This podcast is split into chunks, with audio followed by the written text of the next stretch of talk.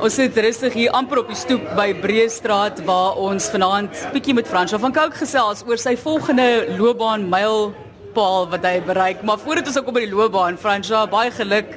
Jy het 3 dae terug pa geraak of hoe? Ja, dis heeltemal mal. Ek uh jy weet dit is ek dink mense het eers 9 maande om jouself te prepare en ek dink dit was so reg as wat 'n mens kan wees en ek weet ek ek dink ek en my vrou is op die regte ouderdom om dit beter te hanteer as ooit voorheen.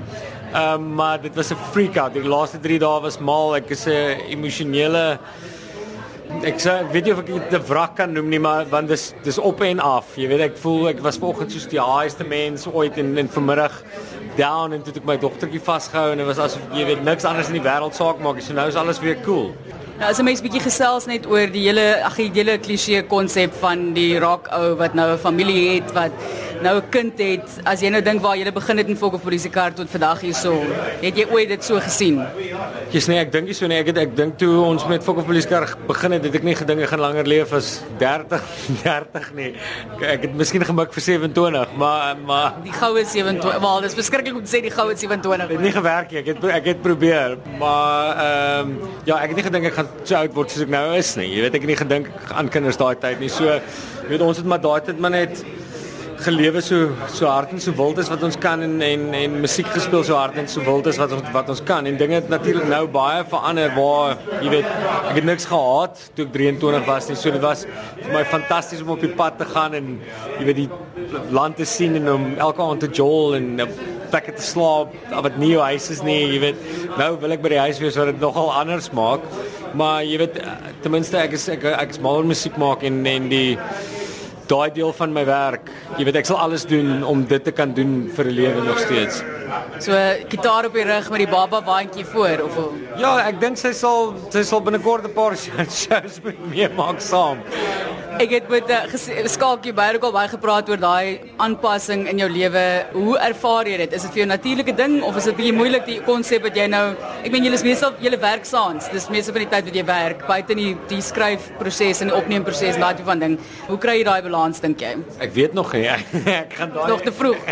ek gaan daai nou nog maar uitfigure. Dag 3 is definitief te vroeg vir dit, maar ek is seker jy weet, um, sal 'n plan maak. Ek dink wat dit anders maak vir musikante is ons het baie tyd by die huis ook wat wat ander paas miskien nie het nie. Jy weet wat 95 werk. So ek dink die balans, moet maar net 'n balans vind.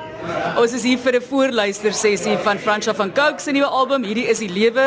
Weereens baie geluk met die uh, nuweling in die huis. So hoe beïnvloed daai lewe ook die album? Wat het die album beïnvloed? Ek weet jy het al lankal gesê jy werk aan die nuwe album. Ek dink by die KAKNK het jy dit genoem.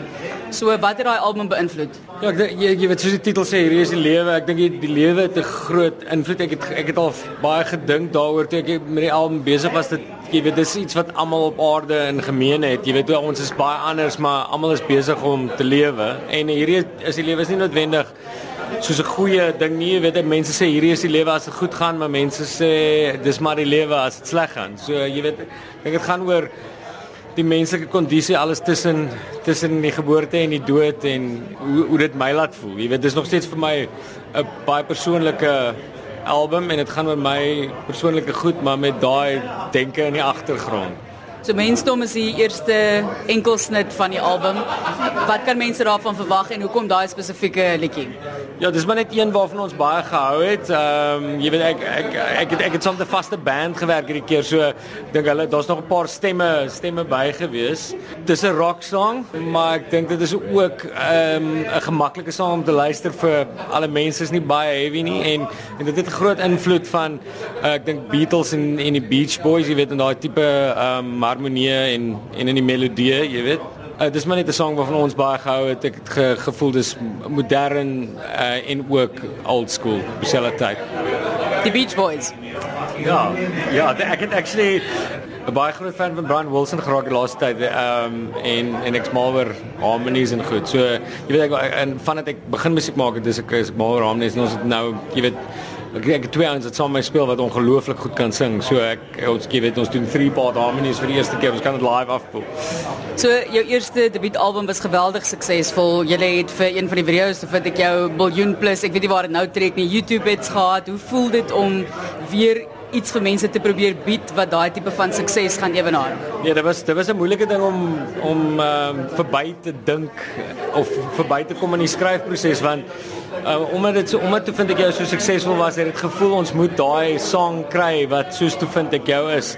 En ek moes eers in die skryfproses net vir myself sê dit ek kan nie meer soek vir daai ene nie en dit gaan nie dit gaan nie opreg wees as ek 'n song probeer skryf om soos gewild te wees soos toe vind ek jou nie. So uh, jy weet ek het maar net probeer om die beste songs moontlik te skryf en waar waarmee ek tevrede is en waarvan ek hou en wat ek sal wil luister en wat ek weet my fans sal wil luister en die en mense wat nie daarvan nou nie. Okay, so op daai noot, uh, wil ek gou vinnig net jou vra, dink jy aan jou jou vorige Fokopolisieker groeplede wanneer jy werk aan jou musiek want julle is baie individueel en ek dink julle het almal julle eie aanslag maar is dit enigstens in jou agterkop Ja, dit is jy weet ek werk op 'n manier nog saam met almal op verskillende uh levels. Jy weet ehm um, Snake Snake nee het vir my het ek het saam ek neem foto's vir my nou en dan. Jy weet Wynand is my manager. Johnny het die album produce. Jy weet Hunter is soos 'n oor wat ek hy het die hele album gehoor voordat ons studio toe gaan. Het jy weet ek het al goeders getoets by hom. Um, en hom raad gevra. Jy weet so so hulle het almal nog steeds 'n groot invloed op op wat ek doen. Ek het op hierdie album is daar actually 'n song wat ek geskryf het oor Fok of Police Car uh, wat sê jy daarin? Is soos maar mag ek maar vra? Ja, dit gaan al oor ons tyd op die pad en dit gaan ehm um, die song se naam is Klein Prys, so dit uh, en dit gaan oor wat ek moes opgee as gevolg van die tyd wat ek wat ons gehad het. Jy weet die ervarings wat ons gehad het, moes ek goed in my lewe eventually opgee. En het, ek het net gedink daai jy weet dis 'n klein prys om te betaal vir die tyd wat ons saam gehad het. Wat het deel van jou musikale loopbaan of jou vaardighede dink jy het die meeste gegroei in die maak van die album?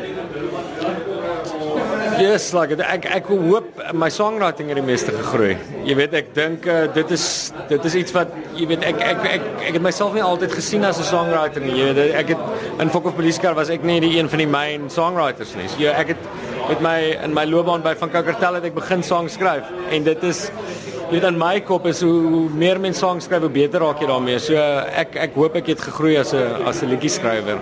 So vanaand gaan mense van die publiek nou en media vir die eerste keer luister na die musiek. Sien op jou senuwees, jy lyk my baie gemaklik. So. Ja, jy weet ek ek het nou ek het nou vandag het ons nou al mense om uitgesit en jy weet daar's baie mense wat daarvan hou, maar daar's obviously mense wat negatief daaroor is. En daai goeie tref my altyd die hardste. So dis dalk hoekom ek 'n downer gevang het vanmiddag toe ek so 'n paar negatiewe comments gesien het.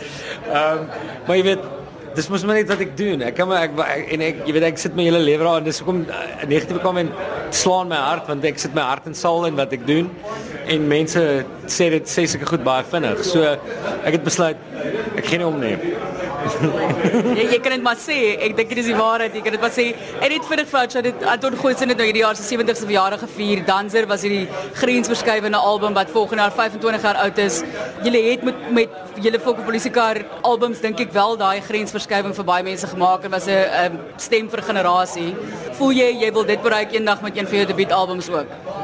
Ja, jy weet ek ek ek hoop regtig dat dat dat die musiek wat ek nou maak het 'n impak op mense se lewens dat dit so belangrik vir hulle sal wees. Jy weet ek eh, ek weet toe vind ek jou het baie mense aangeraak en ek eh, en ek hoop mense kan my albums as 'n whole ook so ervaar.